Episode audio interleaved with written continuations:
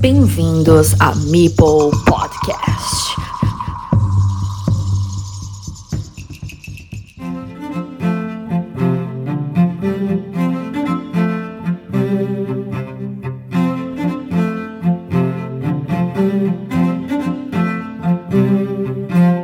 Welcome to Meeple Podcast, perhaps the only one podcast about Carcassonne around the world. You can listen to it on the public Telegram channel with the same name, Meeple Podcast, on the mother website, uh, elcarterodecarcassonne.com, on Spotify, Apple Podcasts, Amazon Music, Google Podcasts, iVoox, Podimo, Deezer, or your favorite podcatcher.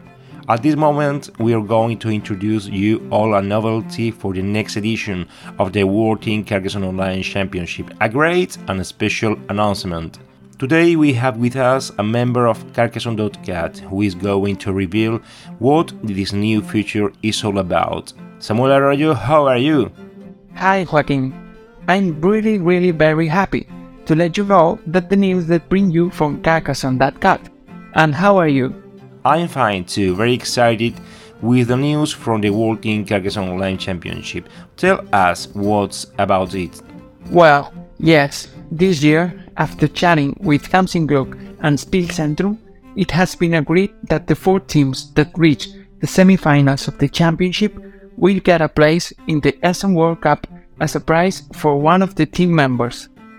Okay, so if I am a member of a team that reaches the semi-final of the WTCOC 2023, it's possible to go to Essen for me or one of my teammates but who of us? At the moment, we cannot advance details, since they are just being finalized among all the organizations responsible for the event. The only thing that we can say is that the people who get the place will be the ones who bear the cost of traveling and staying in Essen.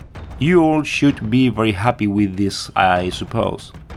We are really very happy, since to think that there will be four more people from all over the world who will have the opportunity to live such a unique experience as participating in Essen World Cup is something that makes us very happy because it's an event that for a fan player from Carcassonne is priceless. Okay, uh, this is a special news. Four players from the World Team Carcassonne Online Championship will go to Essen next edition. Samuel, anything else to add to this short interview?